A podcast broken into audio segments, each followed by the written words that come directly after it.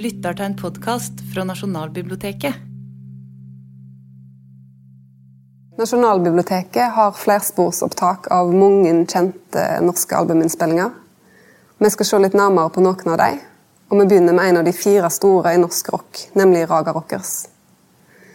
I 1983 så spilte de inn debutplata si The Return of the Raga Rockers.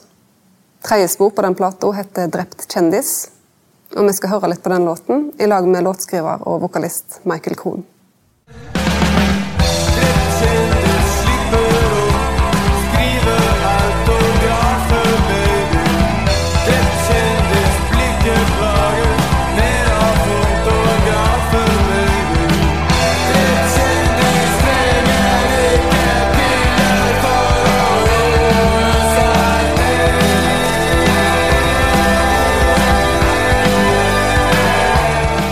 Velkommen, Michael, og tusen takk, for at du er med. Takk. Altså, Drept kjendis, sånn som jeg har forstått det, så har det vært en sånn gjenganger på Raga sine settlister Ja. opp igjennom. Det er omtrent den eneste låta vi alltid har spilt. Bortsett fra de siste årene, faktisk. Da tok vi den ut, men da har vi spilt den liksom jevnt og trutt i 30 år.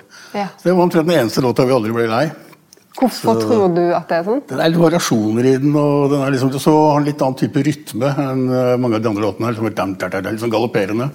Og vi har ikke så mye av det, så da ble det liksom litt sånn avbrekk fra mer pum, pum, pum, pum, å spille en sånn låt. Så den bare ble ikke lei av den. Så Er den er fengende. Ja, sant, for det, det, det lurte på om det er liksom en personlig favoritt, eller er det en sånn Nei, det er ikke sånn. Den er liksom sikkert oppe blant topp 50. Nei da. Topp eh, 20. Så Nei da, men det er sånn noen liksom, eh, Noen hva skal jeg si, noen går, går ut på dato, på en måte. Sånn for meg. Jeg, mm. jeg liksom, liksom føler at det er sånn Hva skal jeg si Det er noen låter vi må spille, sånn som noen har hate og slakte hun er fri. Så selv om man liksom er lei av å øve på dem, så må man spille dem live, fordi at hvis ikke så føler folk seg snytt. Men det er egentlig bare de tre låtene som er sånn, da. Ja. Men ellers er det som sagt, noen låter kan liksom bli sånn Hva skal jeg si Jeg liker helst å spille låter som jeg på en måte kan leve meg inn i. Ja, Som jeg måte, at liksom er aktuelle for meg òg, da. Men den siste turneen vi hadde, da har alltid vært litt sånn sær på en måte at jeg liksom utfordrer publikum litt For sånn at jeg spiller litt sånn sære låter, kanskje folk, låter som ikke er så kjente. og liksom sånn da, Men på de siste tre årene har jeg bare nå gir jeg bare folk akkurat det de vil ha. Og så har vi kjørt med sånn Greatest Hits og ikke, ikke spilt så variert, ikke så mye sånn synt-baserte låter. som Sånn som Drept kjendis er ganske mye sånn synt og keyboard. Nå har jeg kjørt mer sånn rein gitarrock og egentlig ja, gjort det sånn da, på en måte for å lefle med massenes gunst, eller hva jeg skal si. Vi, skal, vi kan jo ta oss og høre litt på Nå har vi allerede hørt litt på um, ferdig versjon av Mm. Drept kjendis. Vi kan høre litt på hvordan den hørtes ut den gangen den ble spilt inn, for de som satt inne i kontrollrommet Mm. når dere fire spilte inn. Ok, det er spennende.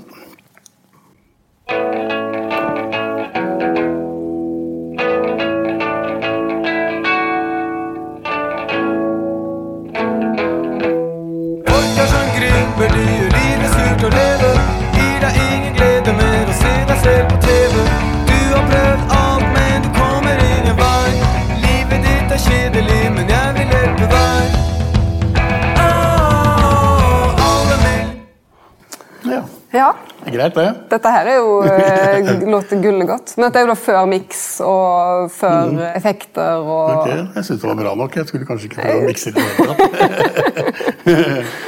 det jeg ofte syns å huske i gamle dager, var at jeg liksom på en måte var litt sånn, jeg var ikke så trygg på meg sjæl som vokalist.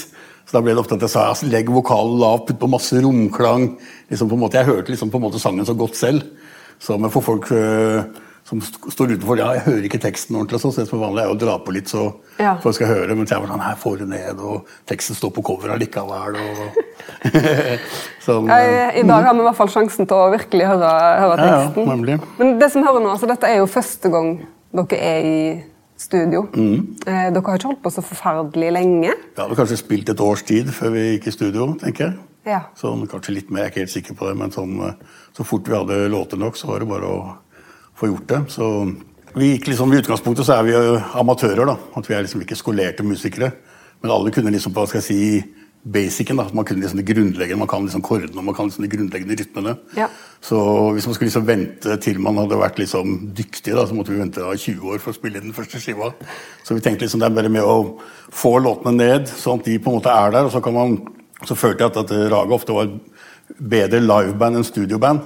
Så da tenkte jeg at liksom, da får folk hørt det, så de kjenner igjen låtene, og så får de liksom på en måte den kraftpakka live. da på en måte.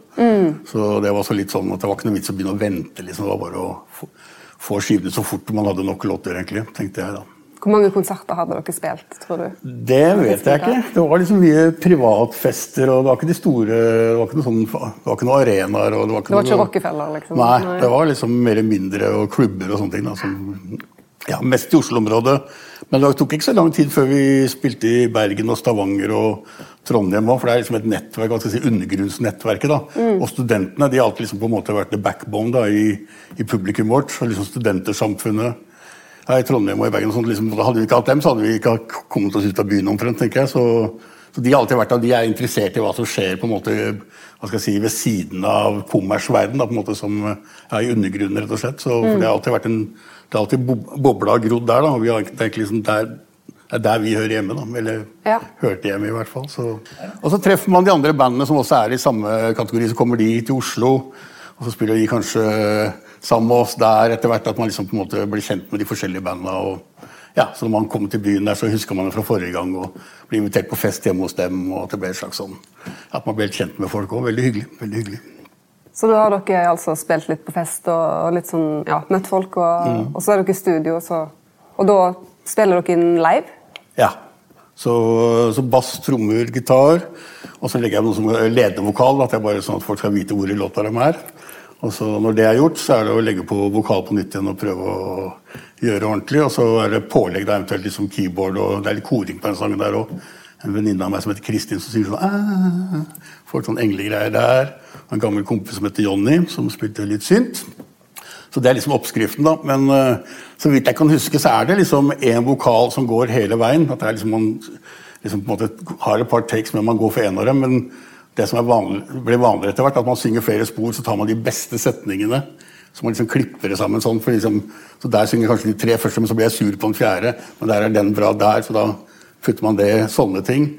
Gjorde man mer etter hvert, og sånn som i våre dager, da, når alt har blitt mer digitalt, så kan du for ta en, sånn- så kan du ta enkelttoner og liksom å manipulere det digitalt, sånn at du liksom blir reint hele veien. Og så du får den der chair-effekten. Når du hører når du drar tonen opp og ned. Nei, altså, det er altså litt sånn som man bruker masse triks og det er liksom, eh, Bare for å sammenligne da, ja. med da. Jeg skal si, Det er mer kunnskap om hvordan man skal få det til å lyde bra. Så den gang så, ok, Man hadde romklang, og sånn, men da er det liksom kompressorer og Man gjør mye mer sånn ting med equalizing og alt mulig sånn for å optimalisere stemmen. da. Så ofte jo mer kunstig det er, jo bedre ofte synes jeg det blir. på en måte, for jeg føler at det gjør stemmen eh, bedre. og gjerne at man også, som, Det er et gammelt triks da, som liksom helt fra Beatles da, at man liksom ofte synger to stemmer og blander dem. Hvis det er litt ujevnheter, så er det akkurat som de flater hverandre ut litt. Så det er altså sånn triks man bruker ofte, at man synger dobbelt. Ja, så alt dette her bruker jeg, da. Mm. Ja, ja. Men her brukte dere jo ikke disse her triksene så mye. Nei, for jeg personlig har jo aldri Jeg visste jo ikke om disse tingene, egentlig, for jeg var liksom temmelig fersk. Så, liksom, så det med liksom miksedelen, det har jeg egentlig aldri hatt noe Det er først nå jeg egentlig har begynt å skjønne mer av de tingene. Så jeg, vi var helt avhengig av at teknikeren på en måte var dyktig og kunne øh, få fram det beste. Jeg var mer opptatt av balanser. Det var jeg ganske hekta på. Ja. Så, men øh, ja, så det er mye. Så, vi, vi, så man har lært mens man har holdt på fra skive til skive, så har man liksom lært litt hver gang. Iallfall lært hva man ikke skal gjøre en gang til. Så Det er vel litt sånn en lærer for hver gang. At det, Det sånn. noen ting går bra, og noen Ja. ting eh, ja. Noen ting ville en kanskje gjort annerledes i ettertid. Ja, det, er sånn det jeg har følt med Man snakker liksom om produsenter. da, så tenker jeg liksom Når det gjelder produsent, hvis du skal ha en en utenfra som skal eh, hva skal jeg si, begynne å arrangere låtene for meg, bestemme liksom, nei, det må være sånn, og liksom gjenta det temaet så og så mange ganger, ikke så, det vil ikke jeg ha nå, for jeg mener at det vet jeg best selv hvordan jeg vil ha det. Men det jeg kunne trengt, hvis det produsent også mener en som på en måte kunne dratt lydbildet, og gjort det mer proft og troverdig og sånne ting, så skulle jeg gjerne hatt det, for det har alltid vært teknikeren sammen med bandet som har gjort det. Men da hadde det kanskje vært kjekt å få den utenfra som sagt, som ikke blanda seg inn i låtene, men bare blanda seg inn i lyden. For det har jeg ikke peiling på. liksom, jeg hadde ikke noe peiling da, så Det har jeg savna og syntes var litt dumt i ettertid. da, på en måte. at Jeg syns ikke liksom det fulle potensialet har kommet ut. Vi kan høre bitte litt på enkeltutvalget mm. utvalg fra sangen her. Eh, Gitaren er jo viktig i Raga, så jeg tenkte vi bare skulle høre litt på, på den. Orkar som kryper, det gjør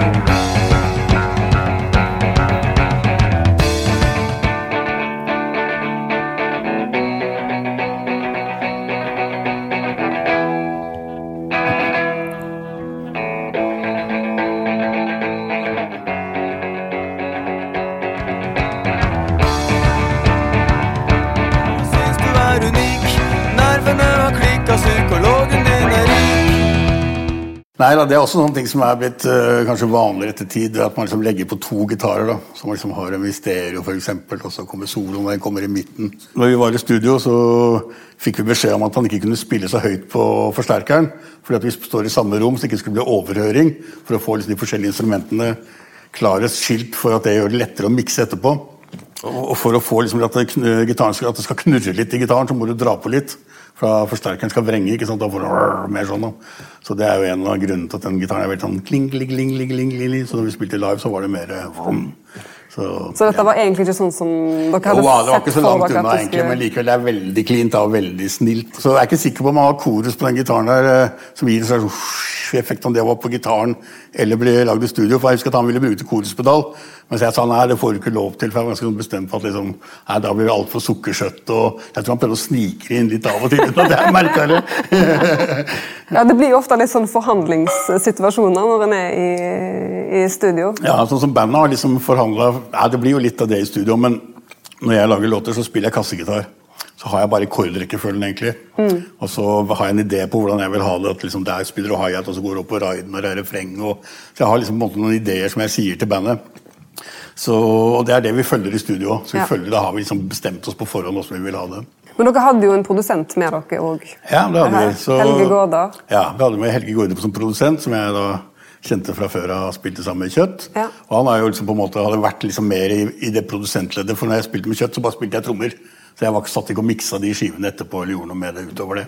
Nei, så da var liksom ideen med det det var at teknikerne eller, Han var i og for seg ålreit, han, men alle de teknikerne som fantes da, var old school. da. Så liksom sånn reine rock-teknikk hva skal jeg si, så lage det fantes ikke den gangen.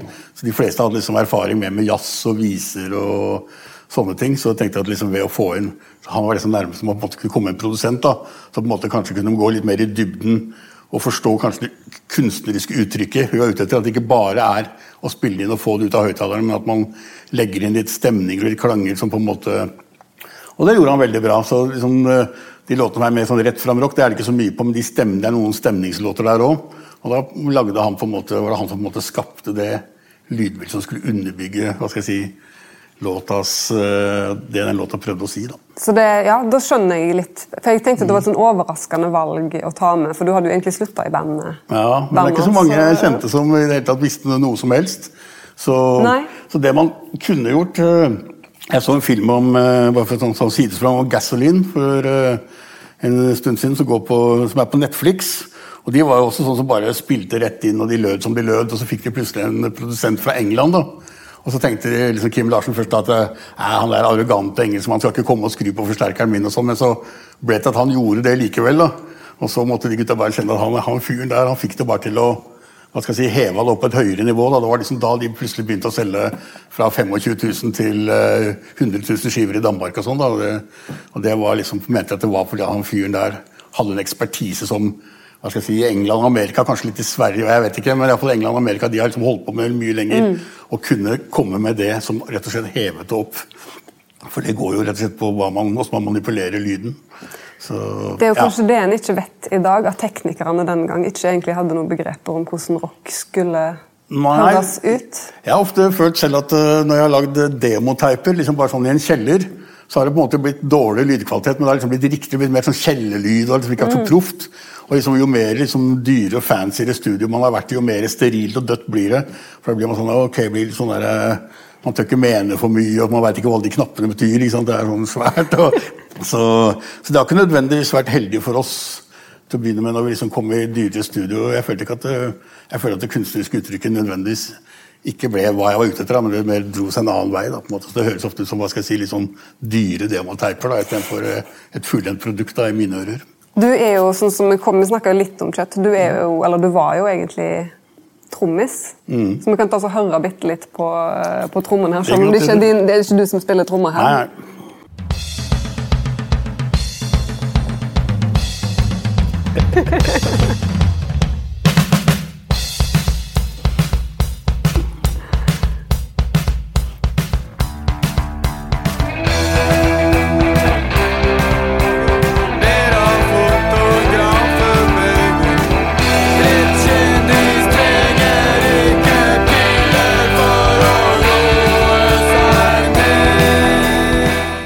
Nei, altså, Der har jeg også en helt klar formening om hvordan ting skal være. Så nå er det ikke sånn at jeg legger meg opp i alle Du kan tenke deg hvis han spiller tak, tak, tak, tak, så er ikke nødvendigvis at det er liksom sånne småting, men liksom hvor ting skal plasseres, det er jeg liksom ganske bestemt på. Men han trommeslageren Jan, vi er jo gamle barndomsvenner, så han spilte jo guttemusikken. Så han kunne jo så han, du hører at han spiller jo ganske bra, syns jeg. ikke sant? Du, du har med det med stortromma, og han er mye bedre enn meg sånn rent teknisk. Og det gjelder i og for seg stort sett alle musikerne jeg har spilt med. at det, jeg kunne liksom slafsa meg gjennom på et eller annet vis, men eh, de er flinkere enn meg, ofte de musikerne jeg spiller, så jeg kan bare tenke det ut, og så kan jeg si 'spill sånn og sånn og sånn'. Så for meg så er det gunstig, da. Ja, ja, ja. Det er en del synt på denne plata her. Mm. Og det var jo ikke, dere hadde jo ikke det med live på denne tida. Nei, ikke som jeg kan huske, i hvert fall. Så i ettertid så har vi hatt med synt og litt forskjellige folk på det lite grann. Men eh, nei, så når vi spilte live, så var det bare rett fram, og ikke de detaljene som det skaper. da. Det var det ikke. Det er til og med en synt-solo på Ja. eh, Drept eh, kjendis. Og for eksempel den, da, bare for å si det, Ja. sånn, sånn, den er det han som har komponert selv. da. Sånn der. Så det, det er ikke mitt arrangement. Han Johnny Ja, igjen. ja. Altså den har liksom Oop, alle de tingene, så det, så det er det ikke jeg som har komponert av. for å si det, Så det er hans arrangement. Da hører vi litt på den.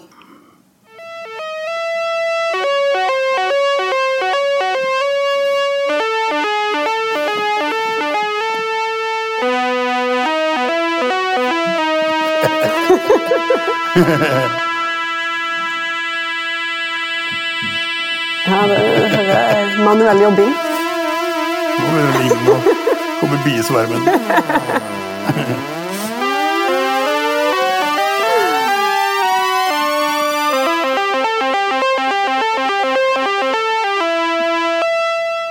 Kult det der. Ja, men hvordan For dere spilte jo ikke med Jonny igjen til, til vanlig, så hva, hvordan Du kan tenke deg Alle mulige folk jeg kjenner, det er alltid de som blir med på plater. og sånn, Det er venner og bekjente. Ja. Det er folk man har liksom møtt på, ja, skal jeg si, på klubber, og liksom folk man begynner å prate med. og så, så det er liksom litt alltid, hva skal jeg si, De man har med inn, er ofte litt sånn tilfeldig. Nå var han med på Forbudte følelser òg. Men eksempel eh, plata nummer tre som heter Varme dager, da hadde vi en saksofonist med. Og han var med fordi jeg traff han på byen. Og så begynte vi å prate. ikke sant? Jeg spiller saks, ja, kom og bli med på den skiva. Et, et halvt år etter liksom, jeg trenger jeg, å prøve litt saks og sånn. Så ofte så er det litt sånn tilfeldigheter hvem som er med som ekstramusikere. Så, men jeg kjente ikke noe særlig med syntspillere uansett. Altså, hvis jeg først skulle ha det med, så var det egentlig litt naturlig at det ble han. Men var det sånn at du hadde tenkt at denne låten skal ha en synt-solo? Ja, det, Jeg kan ikke huske det sånn konkret, men jeg regner med det. Ja. Så det hadde ikke vært noe gitarsolo eller noe Nei, annet? ikke på det der, ikke liksom? på det. Nei. Nei. Så dere hadde litt gjester, var det flere gjester på Plato enn venninna di som, som var med og kora? det var de to, så var det en tredjemann, en kompis av meg som heter Lasse. for Han var romkameraten min på folkehøgskolen. Og da sa jeg, jeg sa til han at eh, jeg, kommer, jeg skal bli rockestjerne. Og jeg skal lage en plate, og du skal få lov til å være med på den. så et eller annet på noen av de andre låtene så er det sånn der og et sånn triangel og en sånn der, Så det var liksom hans bidrag på plata, fordi at eh, jeg måtte jo holde det jeg hadde sagt. da. Ja, for han er kreditert med sound effects eller Ja, noe ikke sånt, sant? Ja. Ja, så han har sånne, ja, sånne, Ja, for jeg lurte litt på hva Så det er bare noen småting, men det var egentlig mest fordi du hadde lovt det? Ja, litt sånn en kompis. og sånn var det. Jeg hadde sikkert klart å gjort det sjøl, men uh, måtte finne på noe til. da. Vi må jo snakke om det som eh, folk er veldig opptatt av, eh, og det er jo stemmen din og, Mm. og teksten din. Og, Jeg kan godt si noe om det. Fordi eh, man er jo inspirert av forskjellige band. da. Så et av de bandene som har liksom, si, hjulpet meg med å finne min retning, det er Ramones. Og noe av det som kjennetegner de, det er at de har eh, litt sånn glade, poppete melodier med litt sånn groteske, lettere groteske tekster. Så det blir sånn der, eh, selvmotsigende. da. Og det er jo denne her òg, for det er jo egentlig en popmelodi. Men uh, han jeg-personen han uh, tilbyr seg å drepe han kjendisen fordi livet hans er så tomt og meningsløst. Og, og det er jo også litt for at det, det var en sånn periode det var, liksom, var sånn i media at det kjendiser ble drept og sånn. Så, så egentlig så er det en humoristisk låt i den forstand at liksom, jeg kan hjelpe deg med å slippe problemene dine hvis det er det du vil. Men undertonen er jo at verden er syk. da på en måte, ikke sant? At det, det er ting som har gått litt som har avspora litt. Ja. Så, og sånn er mye av de tingene at det er liksom en slags, det er en humor, liksom galgenhumoristisk. galgenhumoristisk. Men eh, det ligger ofte sånn litt mørk undertone under der. Da. Men, eh, men samtidig så tenker jeg også at eh, jeg vil at det jeg lager skal være underholdende. da. Men, eh, men det er jo ikke som hva skal jeg si, med film, på en måte. Hvis du ser en film som bare er helt sukkersøt hele veien, så blir det liksom litt for mye sukker. da. Det kan være at det har litt sånn forskjellige elementer, og at ting kan kanskje være litt hva skal jeg si, irrasjonelt eller selvmotsigende. At det gjør det mer interessant. Da. Det skaper mer dybde, på en måte. Eller hva jeg skal si. Ikke at jeg syns det er så veldig dypt, men uh, ja. Men det er jo et spenn der mellom eh, på en måte ja, uttrykket og at teksten er litt Ikke sant, og Det er sånn triks jeg har brukt. Det er, en av de effektgreiene jeg bruker. Vi hører litt på, Du har jo snakket om at vokalen, du hadde ikke så god selvtillit på dette her med, med syngingen. og sånn, så vi kan jo, vi kan jo virkelig høre på vokalen uh, her. Folk er sånn grymber, de gjør livet surt å leve. Gir deg ingen glede mer å se deg selv på TV. Du har prøvd alt, men du kommer ingen vei. Livet ditt er kjedelig, men jeg vil hjelpe deg. Ah, alle millionene du tjente som idol, har du nå gått bort og investert i alkohol. Smigrer deg ikke lenger at noen syns du er unik. Nervene har klikka, psykologen din er rik.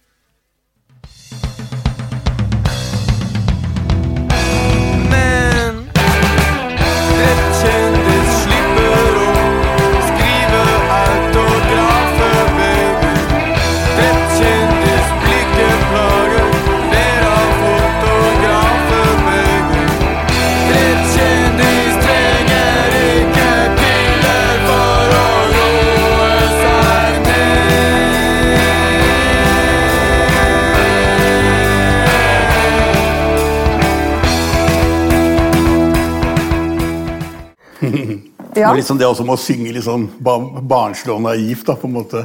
Om man han liksom, jeg skal hjelpe ham å ta livet av seg. siden han ikke Ja, tør sant? Det er jo egentlig et ganske drøyt tilbud du kommer Ikke med her. Men, eh, hva type vokalist er du? Er, ja, du masse takes og er ute etter liksom, eh, perfeksjon, eller er det liksom smeller det inn på ett forsøk? Jeg kan si at eh, jeg lagde en uh, soloplate nå for eh, ikke så lenge siden hvor jeg var en produsent da, som fikk meg til å synge hver låt 20 ganger. da. Eller, eh, og jeg blir helt sprø av det, for jeg har ikke tålmodighet. Så, så når jeg lager mine egne ting, så er det par-tre takes, og så får det bare briste eller bære. Jeg har ikke tålmodighet til det greiene der. Så jeg liker at ting går kjapt. Ja. Og samme hvis man må ta mange takes, så begynner jeg liksom å kjede meg. Nei, da går vi heller videre. Så får vi heller komme tilbake til det siden. Så, og den gangen det var, som var vanlig, at jeg hadde én uke på å spille inn og så én uke på å mikse. Og Det er ikke liksom for mye, men det er ikke for lite heller. Det holdt liksom akkurat. Noe som har vært veldig dumt, ikke på den plata, men på andre, liksom at man har hatt en sånn tidsfrist på at man bestemmer utgivelsesdatoen. Så jeg syns det er veldig synd at man ikke kunne liksom kanskje lage det ferdig så komme tilbake kanskje etter en måned eller tre-fire uker etter å ha hørt litt på det. liksom Gått inn der og fiksa litt på det og sånn. Og kanskje liksom lagt plata på lager omtrent, så den var klar før man sa ok, vi gir den ut der. Istedenfor å ha den deadline og jobbe mot og ikke liksom på en måte føle at man ble ordentlig ferdig. da. Det er liksom sånn etterpåklokskap. Det er liksom noe jeg skulle ønske at jeg Sånn som når jeg lager ting nå, for jeg sitter jo litt og pusler litt på egen hånd, da tenker jeg at jeg lager alt fiks ferdig, så at det ikke er noe stress. Og så kan man bestemme når man skal gi det ut. Så man slipper å havne Så du vet der. du er ferdig? Ja.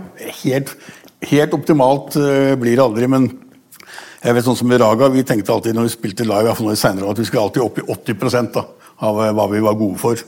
Og klarte vi 90, så var vi kjempefornøyde. Og over det kommer du aldri, for det er alltid noen småting.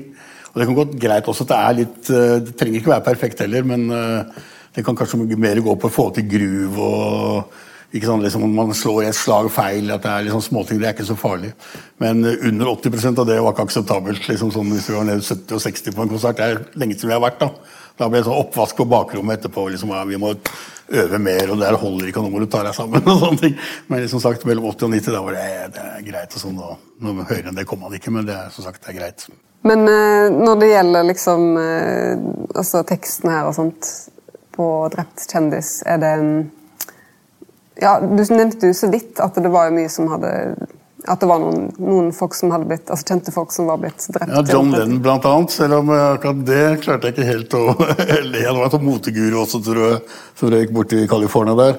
Men jeg husker ennå når jeg liksom var på Narvesen og så den overskriften i Dagbladet 'John Lennon skutt', eller sånn, at det sjokkerte meg, liksom. Fordi jeg var barn i 60-åra, og liksom jeg vokste opp med Beatles, og det er liksom soundtracket til barndommen min. da. Og så var jeg tenåring i 70-åra, og så var jeg liksom en ung mann i 80-åra.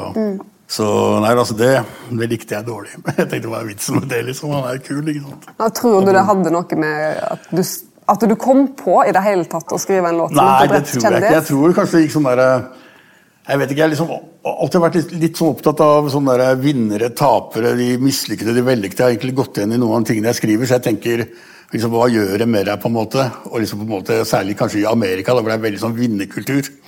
Og liksom på en måte være en taper da, ikke synes selv at du fortjener det. ikke sant? Da kommer fort Sånn som han Lennens mor, han var jo misunnelig, han var sjalu. ikke sant? Han følte seg som en nobody og ville bli en somebody. ikke sant?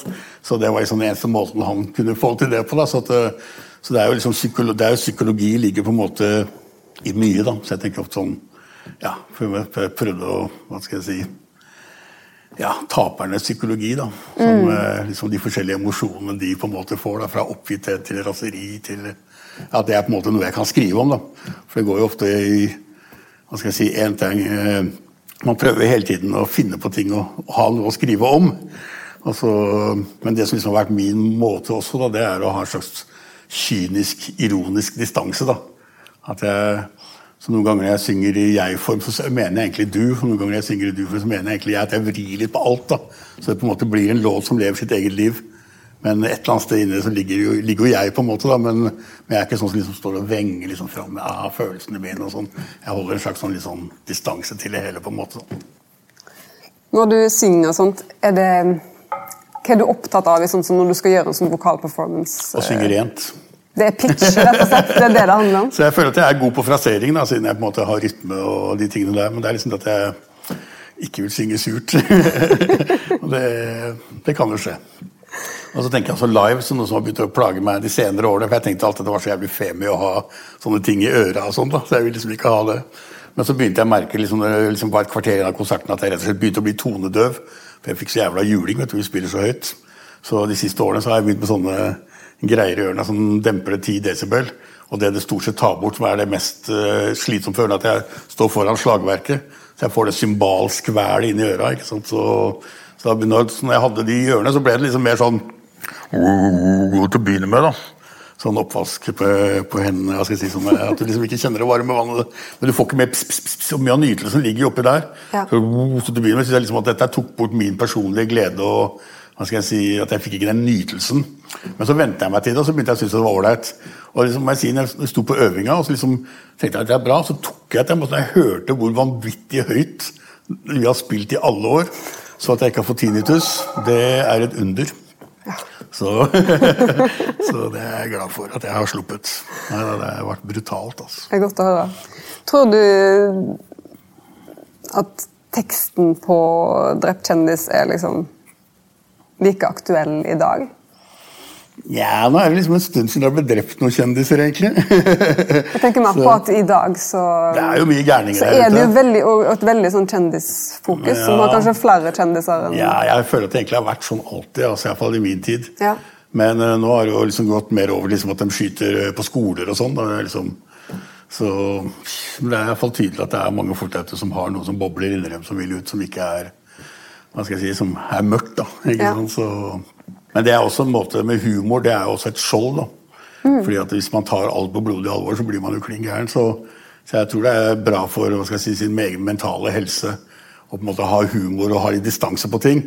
Og det er ofte sånn at liksom, ofte det som er hva skal jeg si, det som man ikke kan spøke med, det ofte det man spøker med, at man ler av det for på en måte å ufarliggjøre det for seg selv.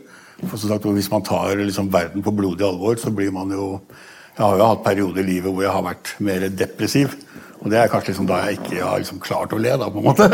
Så det kommer an på liksom, eh, man velger, hvordan man velger å se verden. Man liksom, måte, hvis man først velger å dykke inn i hva skal jeg si, verdens ondskap da, og ta det inn over seg, da, så er det jo helt grusomt hva som skjer der ute.